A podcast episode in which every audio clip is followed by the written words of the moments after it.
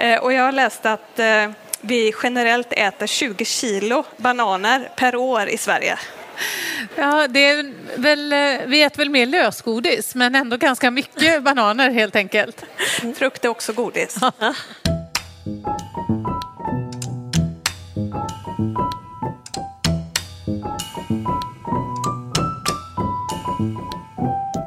här är Matarvspodden.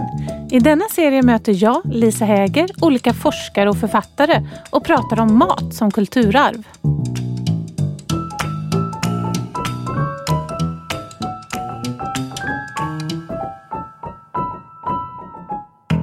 Hej och välkomna till Matarvspodden som sänder live idag från Nordstan.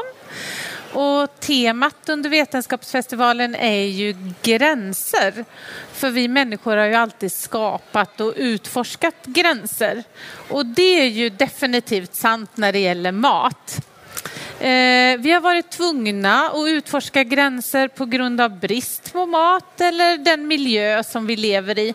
Men också människans nyfikenhet har ju utforskat gränserna för vad man kan äta och inte äta. Jag heter Lisa Häger och med mig idag så har jag Maria Bodin som är marinbiolog. Mm. Hej! Och, även, eh, och du är projektsamordnare för den marina kolonilotten vid Frihamnen som vi ska prata lite mer om sen. Ja, det stämmer. Och även Maria Persson som är doktor i arkeologi och kulturarvsforskare. Hej, trevligt att vara här. Och ni är båda två verksamma vid Göteborgs universitet. Mm. Mm. Då är ni som sagt välkomna till den här historiska platsen i eh, Västra Nordstan som ligger precis bredvid Sillgatan här bakom mig som jag tycker stämmer bra och att vi sitter här och gör en matarvspodd. Nu har de ju i och för sig bytt ut namnet till Postgatan. Eh, det tycker jag är synd, men Sillgatan hette den förr. Och vi ska prata lite om eh, gränslös mat och matarv. Strax över älven här har vi också Bananpiren och det är den hamn i Göteborg där den långväga maten i form av bananer skeppades in. Men eh, Maria, finns det några bananbåtar kvar i banan, vid Bananpiren nu? Det gör ju faktiskt inte det. Vi, vi, får hålla kvar den tanken ändå, men eh, det kommer inga bananbåtar till Göteborg längre. Eh, sedan tio år tillbaka ungefär. Men eh, det har ju eh, gjort det väldigt mycket tidigare så pass att det verkligen har gett det platsnamnet Bananpiren som det har nu. Och eh, det började 1909 med att bananbåtar började komma till Göteborg. Och eh, fram till millennieskiftet ungefär så anlöpte de just till det som vi nu idag då kallar för Bananpiren. Eh, men eh, under ett tiotal år där på slutet så eh, anlöpte de istället till containerterminalen. Men det är i alla fall en hundra år som specialgjorda bananbåtar kom just till Göteborg. Och härifrån då så distribuerades ju bananerna till hela Norden. Det var just till Göteborg de kom. Så det höll på i hundra år, givetvis med stopp då under de två världskrigen. Det var ju jättestor grej när bananbåtarna kunde börja komma in igen efter krigen. Det bananbrist helt enkelt. Stor bananbrist och stor glädje när de här exotiska frukterna kunde börja eh, komma igen efter kriget. Och under den tiden så gick det också från att vara någonting väldigt exotiskt eh, till eh, vad som väl är vårt vanligaste mellanmål idag. Och jag har läst att vi generellt äter 20 kilo bananer per år i Sverige. Ja, det är väl, vi äter väl mer lösgodis, men ändå ganska mycket bananer helt enkelt. Frukt är också godis. och eh, Bananpiren ligger ju i Frihamnen och där har ju du ett spännande projekt eh, igång, Maria. Ja, men precis. Vi har ju en testodling där, en marin kolonilott som ligger precis innanför Bananpiren i den hamnmagasinet, eller hamnbassängen, där vi testar och med småskalig stadsnära odling. Så att vi har en plattform där, där vi testar vilka arter vi skulle kunna odla. Det är ju absolut inte optimal miljö, men jag tror att det är en viktig del. Dels att visa på platsen, visa på småskalig odling, prata om framtidens mat. Vad är det vi skulle kunna använda mer från havet? Havet är ju ganska outnyttjat. Ehm, 70 procent av jorden är ju täckt av vatten men bara 67 procent av den totala matproduktionen kommer från havet så kan vi visa med den här plattformen, vi testar vilka arter vi kan testa, eller vi kan odla, men också sen prata om framtidens mat. Men vi kommer inte äta det vi odlar i Frihamnen för vi vet inte än kvalitet på den än. Ja, och det var ju någonting med salthalten vet jag eh, ni oroade er för. Ja, det är ju inte riktigt den salthalten som behövs för odling så att eh, man behöver komma ganska djupt ner i vattnet för att få bättre salthalt. Men vi eventuellt så, det finns ju ett allmänna badet på, eh, som ligger i närheten där i Frihamnen och där pumpar de upp saltvatten från en saltvattenkil som går in i Göta älv så att det blir högre salthalt där och bättre badkvalitet. Och där hoppas vi att vi kan odla alger. När badsäsongen tar slut i september så hänger vi ut algskott och så får de växa till under vintern och så skördar de innan eh, badsäsongen börjar igen. Så där, vi hoppas verkligen att det här blir ett, ett projekt. Mm. Vad spännande att följa. Mm. Och också vad spännande att man kan använda samma plats för två olika saker. Ja, det är ju det som är lite spännande med till exempel algodling där, att vi odlar det på vintern. Så det skulle kunna vara ett komplement till fiskare till exempel, att de kan odla saker då på vintern när de inte är ute och fiskar lika mycket. Ja. Och just saltet och saltets betydelse, inte kanske framförallt saltvattnet, men eh, det har ju du kikat lite på Maria. Kan du inte berätta om det? Jo, saltet är ju intressant för det har haft så otroligt stor betydelse och har eh, såklart fortfarande. Eh, och eh, man kallar det ju för det vita guldet till exempel. För vi människor vi måste ju ha natrium, våra kroppar behöver ju verkligen det för de funktioner. Och natrium och salt är samma sak? Så är det ju. Mm. Och så vi behöver salt och Sen så har ju också människor använt eh, genom historisk tid då, eh, salt för att öka hållbarheten på varor, som att salta sillen så håller den längre. Eh, sen blir ju givetvis maten godare och smakar mer när vi saltar den. Kanske lite mer lyxbetonat då, det är ju inte något vi måste göra men det är väldigt trevligt för oss om maten smakar gott.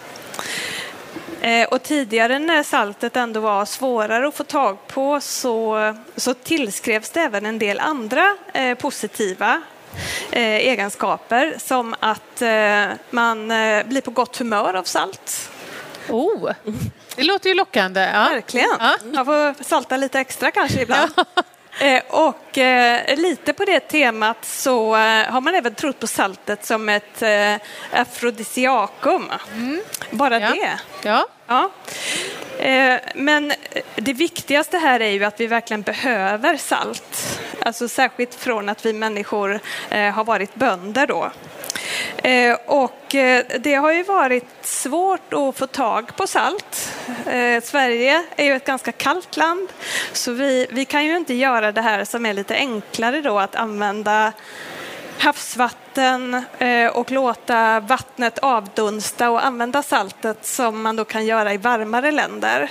Så, så vi har ju haft lite besvärligt att få tag på salt och behövt vara då gränsöverskridande och få hit saltet helt enkelt på något Importerat sätt. det helt enkelt? Stämmer. Eh, och eh, försökt få tag på salt på olika sätt och eh, allt salt kommer ju från havet, ändra från havssalt då, eller så kan, eh, så kan man bryta salt i gruvor. En lång geologisk process har gjort att ett slags urhav då har inkapslat i berggrunden. Mm. Eh, och det här har människor känt till väldigt länge, alltså i tusentals år, att det finns saltfyndigheter på vissa ställen.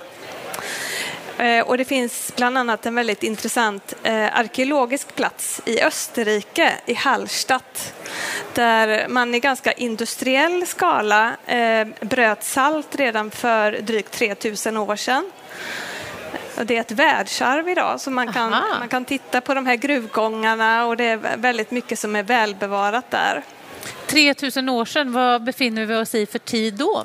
Då befinner vi oss i eh, bronsåldern, i äldre bronsålder då i, i eh, början av bronsåldern i Hallstatt. Ja. Ja. Eh, så, men för Sveriges del då så kan man lyfta fram framförallt Hansan som var ett handelsnätverk där just saltet var en av de här nyckelprodukterna som man handlade med. Mm. Och i och med Hansan så började i lite större skala komma salt till Sverige genom det handelsförbundet. Ehm, så historiskt sett så har människor fått anstränga sig ganska rejält för att få tag på salt. Något som vi tycker är helt självklart och vi pratar om att vi behöver minska på saltet snarare idag. Från en eh, lyxvara till en eh, vardagsvara helt enkelt. Ja, det är du verkligen. Ja, spännande resa saltet har gjort. Mm. Ja. Eh, och Maria, vi återvänder ner i saltvattnet igen. Mm. Och ni försöker ju hitta saker som man kan äta under ytan och eh, upptäcka nya råvaror. Det är också ett, ett, eh, en form av gränsöverskridande mat. Vad, vad betyder begreppet sjömat? Ja, men sjömat, vi, i Sverige har vi inte så mycket eh, traditioner och kulturella mönster runt sjömat. Vi äter ju gärna, vi köper gärna filé från lax eller torsk, vi kanske äter lite räkor. Vi be, behöver ju bli bättre på att äta bredare från havet. Eh, vi behöver gå tillbaka till att använda hela fisken och inte bara filén, men också att det finns massa olika arter. Det finns mängder av arter i havet och vi använder oss, eller äter bara få av dem. Så ett projekt som jag jobbat med tidigare tidigare var ju faktiskt att introducera nya arter, alltså, eller introducera nya mat, matarter helt enkelt. Alltså äta, vi äter, liksom, om man tittar på näringspyramiden så äter vi nästan bara det i toppen, rovfiskar. Vi behöver komma längre ner för att det ska bli hållbart och äta mera alger, ostron, musslor, kanske sjöpung till exempel. Kan du ge exempel på en rovfisk bara? Ja, en makrill till exempel. Ja. ja. Mm. Gott. Ja. Mm. och eh, märker ni att det har varit svårt att få folk att äta sjömat? Vad, det, vad finns det för motstånd? Ja, men både och. Alltså, vissa har ju liksom... Kommer man utanför Sveriges gränser då är det ju självklart, då är det ju liksom inget märkligt att äta vissa saker. Man kan äta maneter och sådana saker. Men det är ju lite, om man inte är van vid sjömat så kan det ju vara konsistenser vi pratar om. Det är, andra typer av smaker. Det är inte självklart. Man använder olika uttryck. När man pratar rött kött så pratar man styckningstaljer, pratar man fisk så pratar man filé och biprodukter. Så att bara där är det hur man säljer in det. Det handlar ju om att lyfta det, få det lite vardagligt. Liksom. Eh, ostron, är, det känns väldigt eh, lyxigt men det kanske, inte, det kanske skulle vara mer en vardagsmat till exempel. Och eh, Maria, den här förflyttningen över eh, vad man kan äta och vad man tycker är bra mat och inte, kan inte du utveckla det lite? För vi äter ju inte samma sak nu som vi gjorde för, eh, låt oss säga bara 50 år sedan. Nej, det, det, är väldigt intressant att titta på det och framförallt är det väldigt eh, kulturellt betingat eh, vad vi äter eh, och också vad vi inte äter. Det är just därför det är den här klockrena kopplingen till kulturarv, att det är någonting som, som varierar över tid och det varierar mellan människor och grupper och så vidare. Mm. Och det här kan, just det här vad man äter och inte äter, det kan ju, det kan ju ha att göra med eh, vilken religion man tillhör, men det kan även vara kulturellt betingat på många, många andra olika sätt. Eh, och om vi ska ta ett exempel på någonting eh, som vi inte äter eh, så är det ju att vi, vi äter inte husdjur. Vi äter ju inte hund och katt till exempel. Nej. Och då, då äter man alltså inte det även om man äter väldigt mycket annat kött. Så är ju det och helt gå förbi alla normer och det är ju ett tabu. Vi äter ju absolut inte våra husdjur. Men det har, har det alltid varit så? Om vi tar eh, till exempel hästen som vi tycker är ett husdjur nu. Ja, Eh, och den, den är ju lite precis på gränsen där, eh, mellan bruksdjur och husdjur mm. kan man ju säga. Och, eh, historiskt sett så är det också ett bra exempel. För under medeltiden till exempel så åt man ju absolut inte häst. Eh, för det var någonting som man tyckte var eh, hedniskt och det hörde till den förkristna tiden eftersom hedningarna då åt hästkött mm. och även att de gjorde det vid olika högtider och det ville man hålla sig så långt ifrån som möjligt. Så det var till och med ganska mycket tabun kring hur hästar slaktades och så. Det var ganska laddat på medeltiden. Ja. Eh, och, eh, så från att man äter det äter man det absolut inte. Eh, idag så eh, äter nog de flesta inte hästkött, men det är ju inte något som är helt tabu och omöjligt. Det går ju absolut att få tag på. Eh, ja, men man döper där... väl om det lite grann också. Det står inte hästkött i affären. Det står väl typ hamburgerkött eller så? Ja, det står det va? Ja. Jag har faktiskt inte riktigt kikat i den hyllan. det står inte eh, fri, frigående ponny? Nej, kanske. Nej. Verkligen ta och kika på det. Det är en, en ny studie Eh, men det, man kan se en tydlig glidning där från eh, mycket okej, okay, absolut inte okej, okay, till eh, att det skiljer sig väldigt åt vad man tycker om, just det köttet nu då. Mm. Och det här gäller ju väldigt många olika matvaror och mycket av det som du Maria tar upp kring havet är ju också så att mm. man man kan äta väldigt mycket och det finns proteiner där och så vidare. Men det är också olika traditioner och, och eh, kultur som ligger och eh, hovrar över och lite mm. grann bestämmer det där. Mm. Mm. Eh, det var ju faktiskt det här med gränsöverskridande mat så var det ett reportage i veckan om en man som odlade eller födde upp mjölmask som ett sätt att få, för att hitta nya protein eh, alltså proteinkällor. Eh, tror ni att det kan vara ett alternativ framåt? Ja, jag tror att man får tänka brett och jag tänker att man får tänka hållbart. Så att, eh, sen får man ju se vad som liksom, folk anammar på något sätt. Men jag tror att man ska titta liksom bred, både från havet men också vad som redan finns. De, titta på de resurserna vi har, som vi har gott om, tror jag är jätteviktigt. Men sen också då kanske skapa nya alltså Det låter kanske inte jättegott med det, men så hittar man produkter till exempel eh, ja, som låter mer spännande, som är lite hippt eller sådär, så, så tror jag... Men jag tror vi jobbar på bred front helt enkelt. Vi förfasas ut lite över de här maskarna då som ska ätas. Men mm. eh, Maria, vad tror du att eh, en historisk person skulle förfasas över att vi äter nu då? Om man byter förfasa till förvånad i alla fall, om man får ja. lov att göra det. Ja, det tycker jag. Ja, eh, så, så tänker jag dels att eh, det nog skulle förvåna mycket att vi äter mat från så många olika matkulturer. Mm. Mm. Och utöver det, utan att gå in på det så mycket mer, så tror jag att jag tänker på det här med superprocessad mat, ja. eller ultraprocessad heter det väl. Mm. Eh, och då, då har det ju ändå någon gång funnits bra råvaror eh, som man har gjort en hel del processer med helt enkelt och förvandlat till något annat. Mm. Eh, och, och, det gissar jag skulle vara något som förvånade eller kanske till och med förfasade då att man i grunden har haft kött eller någonting. Och så äter man de här nuggetsarna eller vad vi nu ska likna det till istället med de här tillsatserna och att man eh, genom det då gör att produkten innehåller mycket mindre näring än vad den skulle kunna innehålla.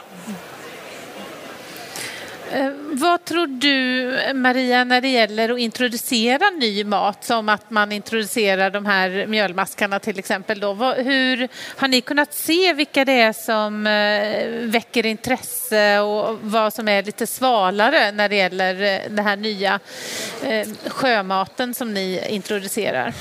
Ja, men det, det, ser väldigt, väldigt olika ut tror jag. Eh, har man kunskap om det, man, liksom, man vet lite, har lite så här hållbarhetstänk eller man har läst om nya produkter. Och, så det handlar nog mycket om det. Men det är också så vad man har för influenser, liksom, om man till exempel har något asiat, alltså kopplingar till någonting. Eh, men det är här, något som är svårt det är nya konsistenser till exempel som inte är helt självklart. Liksom. Jag menar, tång är ju, ja, det använde man till gödning förut och nu ska man äta det, det är lite speciellt. Så man kanske får hitta olika, alltså ostron samma sak där. Måste man äta dem råa? Kan man göra någonting annat med dem? Liksom? Så jag tänker konsistensen är en så viktig del när man smakar och vad folk tycker om det och sen får man nog liksom paketera det lite bättre kanske. Ja. Ja, men spännande.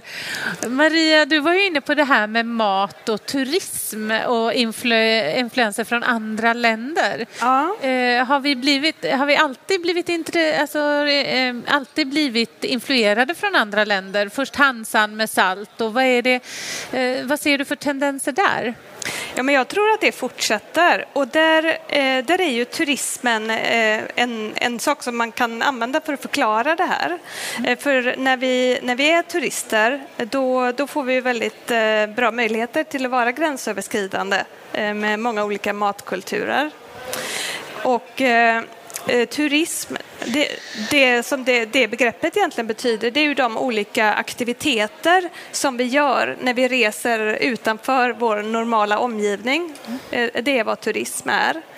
Mm. Och en väldigt viktig del av de här aktiviteterna då, som det innefattar, eh, det är ju faktiskt matrelaterat. För när vi är turister så vi kanske går guidade turer eller vi gör olika saker men vi äter ju också mat på de här ställena som vi reser till. Och, eh, och, det kan till och med vara en väldigt eh, viktig, vad man kallar för en reseanledning. Alltså själva den här anledningen till att man reser. Eh, tänk att vi ska åka till Italien till exempel, då är väl mat en ganska stor del av det. Mm. Och, och när vi då åker till olika platser så brukar i alla fall de flesta ta del av matkultur som finns där. Eh, och det kan så, som sagt vara en, en, ganska stor del av just att man vill resa dit. Eh, och säga att vi eh, befinner oss i Grekland till exempel och äter jättegod eh, tzatziki kanske. Mm. Eller eh, grekisk sallad och dricker retsina och sådär. Eh, då kan det hända att vi också vill laga den maten när vi kommer hem. Mm.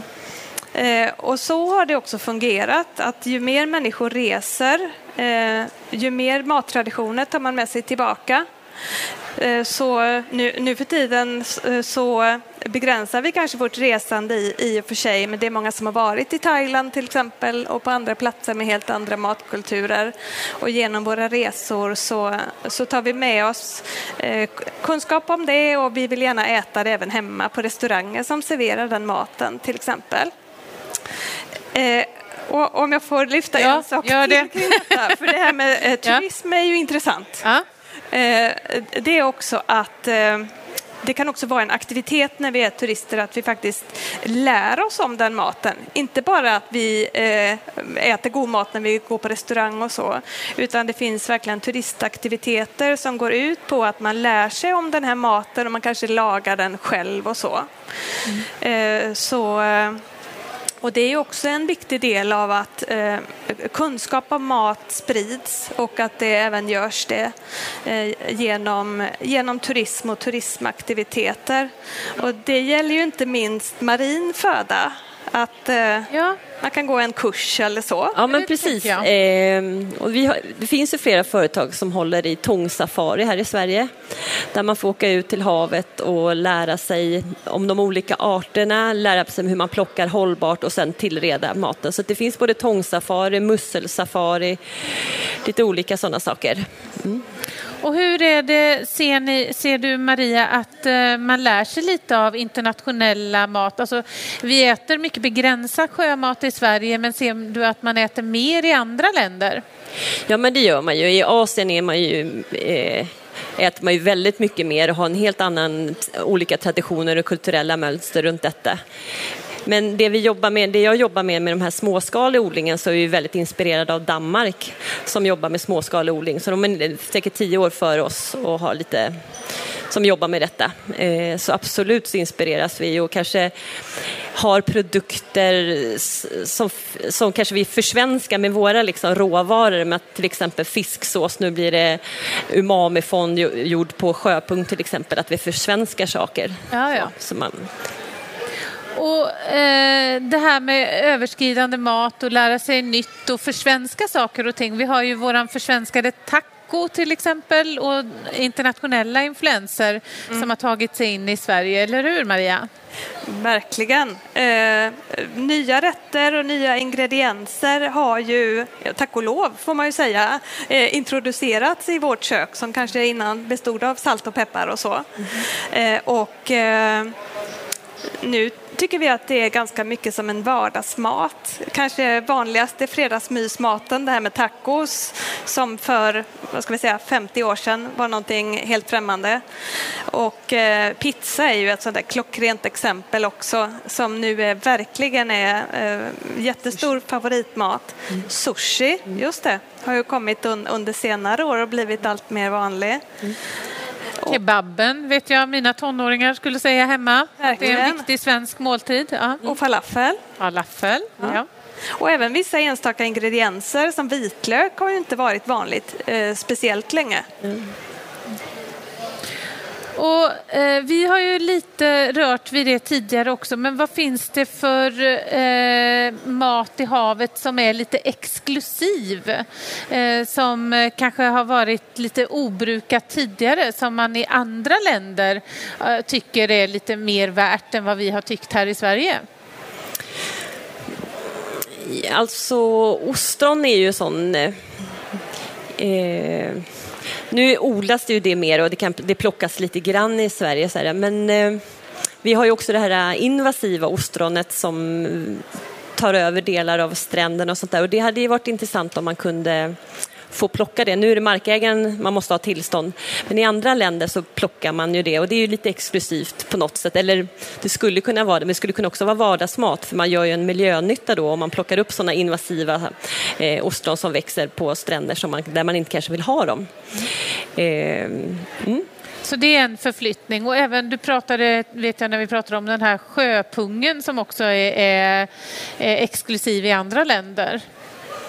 Ja, jag vet inte om den är så exklusiv, men den, den var ju, när man odlar blåmusslor till exempel så får man gärna den extra liksom, på blåmusselodlingarna och eh, på en blåmusselodling så var det en kille som tyckte att det är väldigt, väldigt mycket biomassa, vad ska man bara för att slänga den? Så han plockade hem sjöpungar och kokade i sitt kök och experimenterade och tog faktiskt fram flera produkter som har blivit väldigt populära nu. Ja. Eh, så från att det var då någon biprodukt från odlingen så blev det en, en riktig produkt nu då, till exempel. Och Maria, ostronen just har vi ju hittat i kökkenmöddingar också så att det kanske inte alltid har varit en exklusiv eh, vara. Eller vad tror du? Och eh, ja. först får du berätta vad en kökkenmödding är. Ja, eh, en kökkenmödding, ordagrant så är det ju en avfallshög från ja, köksavfallshög Eh, Eh, det är alltså rester av eh, mat. Och de här är mest kända då för att det är mängder med skal från ostron och snäckor och musslor och sådär. Framförallt det eh, en slags avfallshögar med de resterna som har blivit över från de här skalen när man har ätit. Men i gigantisk skala då. Alltså de här kan vara 100 kvadratmeter stora eller ännu större. Och Eh, de är från äldre stenålder då, så de är väldigt, väldigt gamla. Så, så det är de här musselskalen, men man kan också hitta eh, redskap från den här tiden eller andra slags djurben. Man har faktiskt även hittat eh, människoben i de här eh, kökkenmöddingarna. Eh, och allt som finns där, som de här redskapen och benmaterialet till exempel, är ju väldigt välbevarat eftersom eh, eh, alla de här skalen är så kalkrika och då bevaras det som hamnar i de här. Men, men nu måste jag fråga, eh, när man hittar eh, människoskelett i de här kökenmöddingarna som är matavfall, hur tolkar man det då? Ja, det är ju då man kanske eh, behöver fundera på om det kanske inte bara är en avfallshög ja, utan ja. att eh, det kan vara så att det är någonting annat. Eh, och det har skett en del studier under, under senare år där man har börjat titta på kökkenmöddingarna igen som först undersöktes under mitten av 1800-talet och man hittade de här och man förstod att de var gjorda av människor. Det var inga skalbankar alltså. och nu är det arkeologer som har tittat på det här igen och det verkar som att det inte riktigt stämmer stämmer då att det, att det verkligen bara skulle vara eh, rester av att människor har ätit eh, enormt mycket ostron. Men eh, med det sagt så är det ju ändå det de har gjort. oavsett liksom vad syftet är eller vad man dessutom har kastat på de här högarna då, så, så är det ju i och med att de är så här otroligt stora, som kanske 100 kvadratmeter stora, det är ganska många ostron man har ätit då, och musslor och så. Mm. så Eh, det visar ju på att man har ätit där i en jättestor skala för Ja. så länge sedan. Inte så exklusivt då kanske? ja, det, det är ju en bra Undrar vad det är fråga. för recept på det? Vad- Hur tillagade de dem? Det hade varit kul att Kanske veta. få ta fram en gemensam kokbok någon gång. Ja. Ja, och med det så tänker jag att eh, du har ju arbetat i ett projekt, Maria, som hette Scary Seafood som handlar om att lyfta fram just den typen av eh, nya arter som man kan lägga på tallriken för att öka hållbarheten. Skulle vi kunna matcha det med, mot eh, Marias sån här scary historical food kanske? Eh, sånt som vi inte äter längre men som skulle kunna vara hållbart att äta precis på samma sätt som scary seafood är. Eh, vad skulle det i så sådana fall vara, Maria, för eh, scary historical food? Eh, Det, det finns nog otroligt många exempel på det och just utifrån vad, vad man själv tycker och vad man, vad man själv skulle vilja äta. Eh, jag, för, för egen del tycker jag inte att vi behöver gå så långt tillbaka och, och det är ju så dubbelt för vi ska ju äta hållbart och äta eh, mer produkter. Eh, Själv känns det tillräckligt scary att äta tunga och grisfötter och så.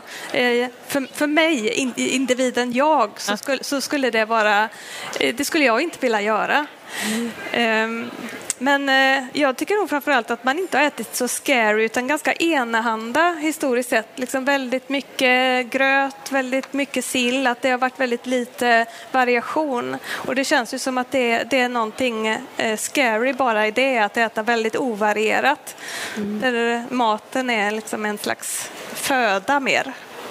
Var det någonting inom det projektet som faktiskt fick ett uppsving som ni kunde se att som blev extra populärt av de nya arterna som folk kunde ta till sig mer? Ja, alltså vi jobbar med en del, i projektet så jobbar vi också med kockar och de var ju jätteintresserade av nya arter eller använder andra delar av fisken till exempel. Eh, men de blev ju, vi fick till så vi fick eh, lite sjögurka och det var ju någonting som kockarna tyckte var jättespännande att försöka tillaga. Det är ju väldigt dyrt och exklusivt i Asien eh, och i Sverige här så finns det ett projekt som de håller på att testa på att odla sjögurka. Men vi fick då eh, från en annan odling. Men det var, det var jättespännande. Väldigt speciella konsistenser och smaker och sånt där som de fick kämpa ganska mycket med. Men de tyckte det var jätte, jättespännande. Ja, det får vi ha på vår lista och testa då. Eh, Om det inte är tunga Maria så kanske det är sjögurkan helt enkelt. Då har vi kommit till den delen där vi brukar säga är de sista fem i Matarvspodden. Och då är temat gränslös ätande. Och då kommer jag säga fem saker och så får ni, ni berätta lite för mig hur det är helt enkelt. Så får vi se. Eh, det första exemplet på gränslöst ätande som jag skulle ta eh, är, handlar om Jona och valen och den berättelsen om eh, eh, Jona i Gamla testamentets eh, profeten Jona. Han blir kastad över bord under en storm och så blir han svald av en val och ber där inne i valen under tre dagar för att sen bli utspottad. Eh, hur är det med valar? Äter de människor, Maria? Alltså de stora valarna eh, äter ju mest eh, plankton. Eh, späckhuggare är ju en val, en delfin. Kanske de kan äta, jag tror att det har hänt någon gång på ett delfinarium att de har ätit En upp någon stressad träd. Ja, späckhuggare. men annars så äter ju inte, nej. Men äter vi valar då? Eh, vi har ju gjort det också, eh, men sen så insåg man runt 40-50-talet där att det, det är inte hållbart. Det är, alltså, många av de här olika arterna är ju väldigt, väldigt hotade. Så då bildade man något som heter eh, internationella valkommissionen, valfångstkommissionen, där man bestämde att man inte skulle fånga valar. Men fortfarande så är det nog tre länder som fortfarande fiskar val eh, och det är ju Norge, Island och Japan. Fast det verkar som att, jag läste lite att de börjar väl fundera på kanske att sluta med det, men jag vet inte riktigt. Nej. Eh, Men skönt ändå att vi kan lämna varandra i fred som art helt enkelt. Ja, det tycker jag. Ja. Mm. Och och eh, sen undrar jag här, eh, en annat exempel på gränslöst ätande är ju Erik den XIVs kröningsoxe Maria Persson. Det är ju, när han hade sin kröning så lät han tillaga en oxe som var fylld med kalkoner och kalkonerna i sin tur var fylld med kycklingar och kycklingarna i sin tur var fyllda med vaktlar. Eh, hur är det med det? Varför hade de så mycket mat vid en kröning, de här kungarna, eh, Maria? Ja, gud, man orkar liksom inte ens tänka på den här kröningsoxen, men nu, nu gör vi det ändå. Tack. ja, eh, det är ju någon slags enorm manifestation av makt och överflöd. Det har ju varit viktigt historiskt sett att kunna visa att man har ett överflöd för då, då är man ju väldigt rik och man har väldigt mycket eh, makt och så. Eh, och, och det här är ju ett extremt exempel på det. Eh, och, det, och det lagades ju faktiskt en hel del eh, sån mat på den tiden och även senare. Jag tänker på eh, svanar med olika installationer och sådär. Man har nog en, en, en, annan syn på det, det osmakliga som, som vi kanske ser i det. Men eh, väldigt så här, ty, tydlig maktpresentation. Eh, och vad jag förstår så är ju också krön, just det här med kröningsoxar någonting som, som ändå var för folket, att de på något sätt skulle bjudas in att äta av det här. Mm. Att det var inte bara just Erik den XIV själv Uh, och han ser ju ganska smal ut på bild i alla fall. Han skulle inte äta upp den här, utan det skulle liksom bjudas in då från folket och då skulle folket kunna ta del av den, att den här personen är så mäktig så han kan bjuda på det här. Maten som en symbol för makt helt enkelt. Ja. ja. Ja. Ja, spännande. Ja. Vi har en annan kung här då som jag skulle vilja fråga lite om. Eh, och det är ju kung Adolf Fredrik som sägs att han åt ihjäl sig på semlor. Och, eh, för han dog ju på fettisdagen 1771. Hans läkare sa att det var stroke. Men sen har vi en greve Oxenstierna som menar att han åt ihjäl sig. Och då har jag faktiskt ett citat här. Genom eh, injektion, alltså att han åt, eh, hetvägg som ju är semla, surkål, kött med rovor, eh, kaviar och hummer, böckling och champagne. Eh, var det så att han åt ihjäl sig på semlor och eh, böckling eller vad, vad säger du om det? Ja, nu, nu är jag ju doktor i arkeologi och inte i medicin så dödsorsaken känns svår att, att fastställa. Men eh, troligtvis dog han ju inte just av de här semlorna. Det, det, det låter som att eh, något, an, något, annat är förklaringen eller något lång, långvarigare eh, bruk av semlor. Eh, men han är ju väldigt känd för just detta. Det är det de flesta vet om den här kungen. Ja, det var han som dog av semlor. Ja. Eh, och då kan man ju eh, fråga sig vad det egentligen betyder. Eh, för det är ju ganska förminskande för en, en regent. Vad gjorde han? Han dog av semlor. Ja, och var känd för bara det. Ja. ja nej, det är tråkigt. och, och, kanske några fler saker, men, men det är framförallt det som människor känner till som ju är förminskande då. för det kopplar ju så tydligt till något som är ett frosseri. Mm. och det är ju en dödssynd. Mm. och, och så Eh, så, har man ju alltid tänkt. Det, det, är ju kanske inte att uppvisa en väldigt stark karaktär och äta så man dör helt enkelt. Nej. Eh, så, så man får nog fundera lite på vad det är för saker som ligger bakom att det är det här med semlorna som, eh, som återberättas hela tiden. Eh, och han är ju inte en av våra mer kända kungar som står för andra eh, stora saker. Så det tycker jag är intressant att fundera på. Ett slag för källkritiken här helt enkelt kring historiska myter. Verkligen. Eh, sen eh, har jag en fråga till dig här Maria. Det finns ju på tal om gränslöst ätande en fisk som heter munruvare mm. och han eh, eller hon simmar omkring med sina nyfödda ungar i munnen. Eh, och det kanske är eh, inte en, en gränslös ätande men kanske också ett eh, gränslöst föräldraskap. Men finns det några fiskar som är li, lite gränslösa i Sverige och som är farliga för oss människor? Ja, alltså vi har ju eh, hajar och hajar har väl ett oförtjänt rykte för det finns massa snälla hajar och vi har väl några lite större hajar men de äter plankton och så har vi lite mindre hajar. Det vi, när vi pratar, när man får frågor från barn så frågar de ofta om det finns farliga eh, fiskar. Vi har en, en, fisk som heter fjärsing som är, ligger lite nergrävd i sedimentet och de har en, en tagg på, på ryggen där som kan vara giftig om man eh, ja, nuddar den eller får i den och sådär. Så det är väl den som vi kan kalla lite giftig. Sen är det liksom ja, det är väl den som är farlig. Fast den är också ganska djupt så det är ingenting man springer på varje dag. Liksom. Det kan ju fastna i ett nät om man fiskar med nät till exempel. Eller sådär. Men... Så snälla hajar, ja. men akta dig om du träffar en fjärsing. Ja, eller du behöver inte ta för fjärsing är en väldigt god fisk att äta. Eh, men man ska akta sig för den där lilla taggen. Det är flera fiskar som har såna giftiga taggar. Tack. Och sen så har jag en fråga till dig Maria, kanske till dig också Maria. Men eh, vi har ju den här galten särimner. Det betyder ju ordagrant sotast sjö, sotat sjödjur faktiskt. Men jag vet inte, i alla, i alla källor och sånt så står det ju faktiskt att det är en galt, alltså en gris.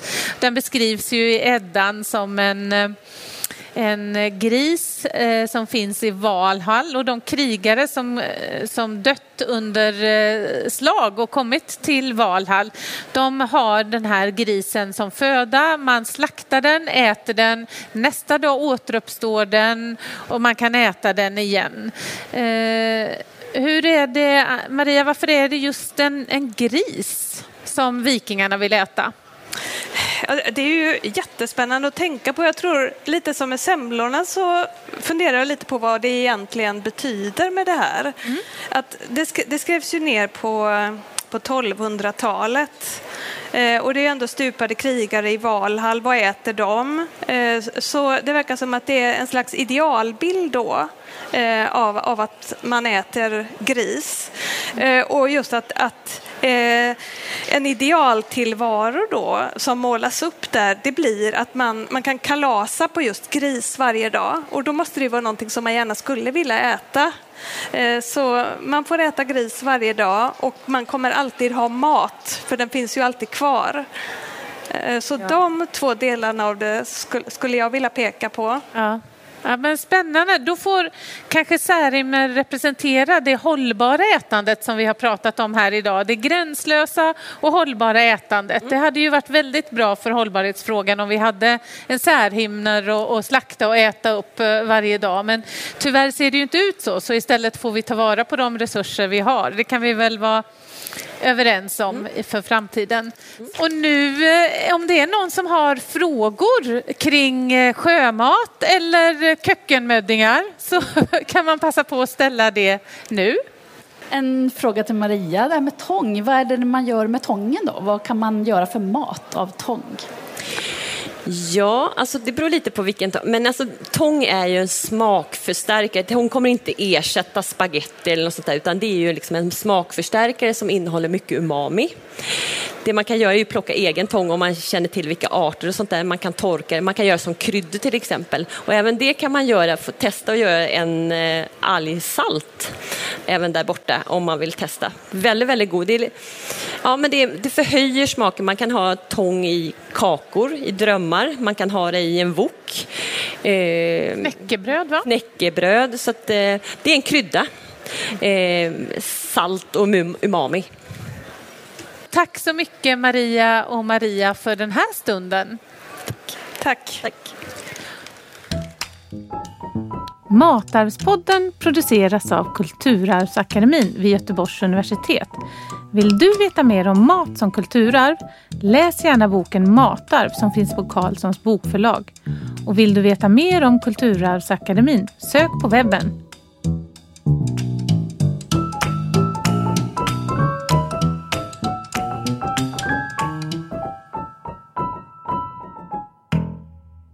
Matarvspodden finansieras av bidrag ur stiftelsen Gustav Adolf Bratts föreläsningsfond och Centrum för kritiska kulturarvsstudier vid Göteborgs universitet.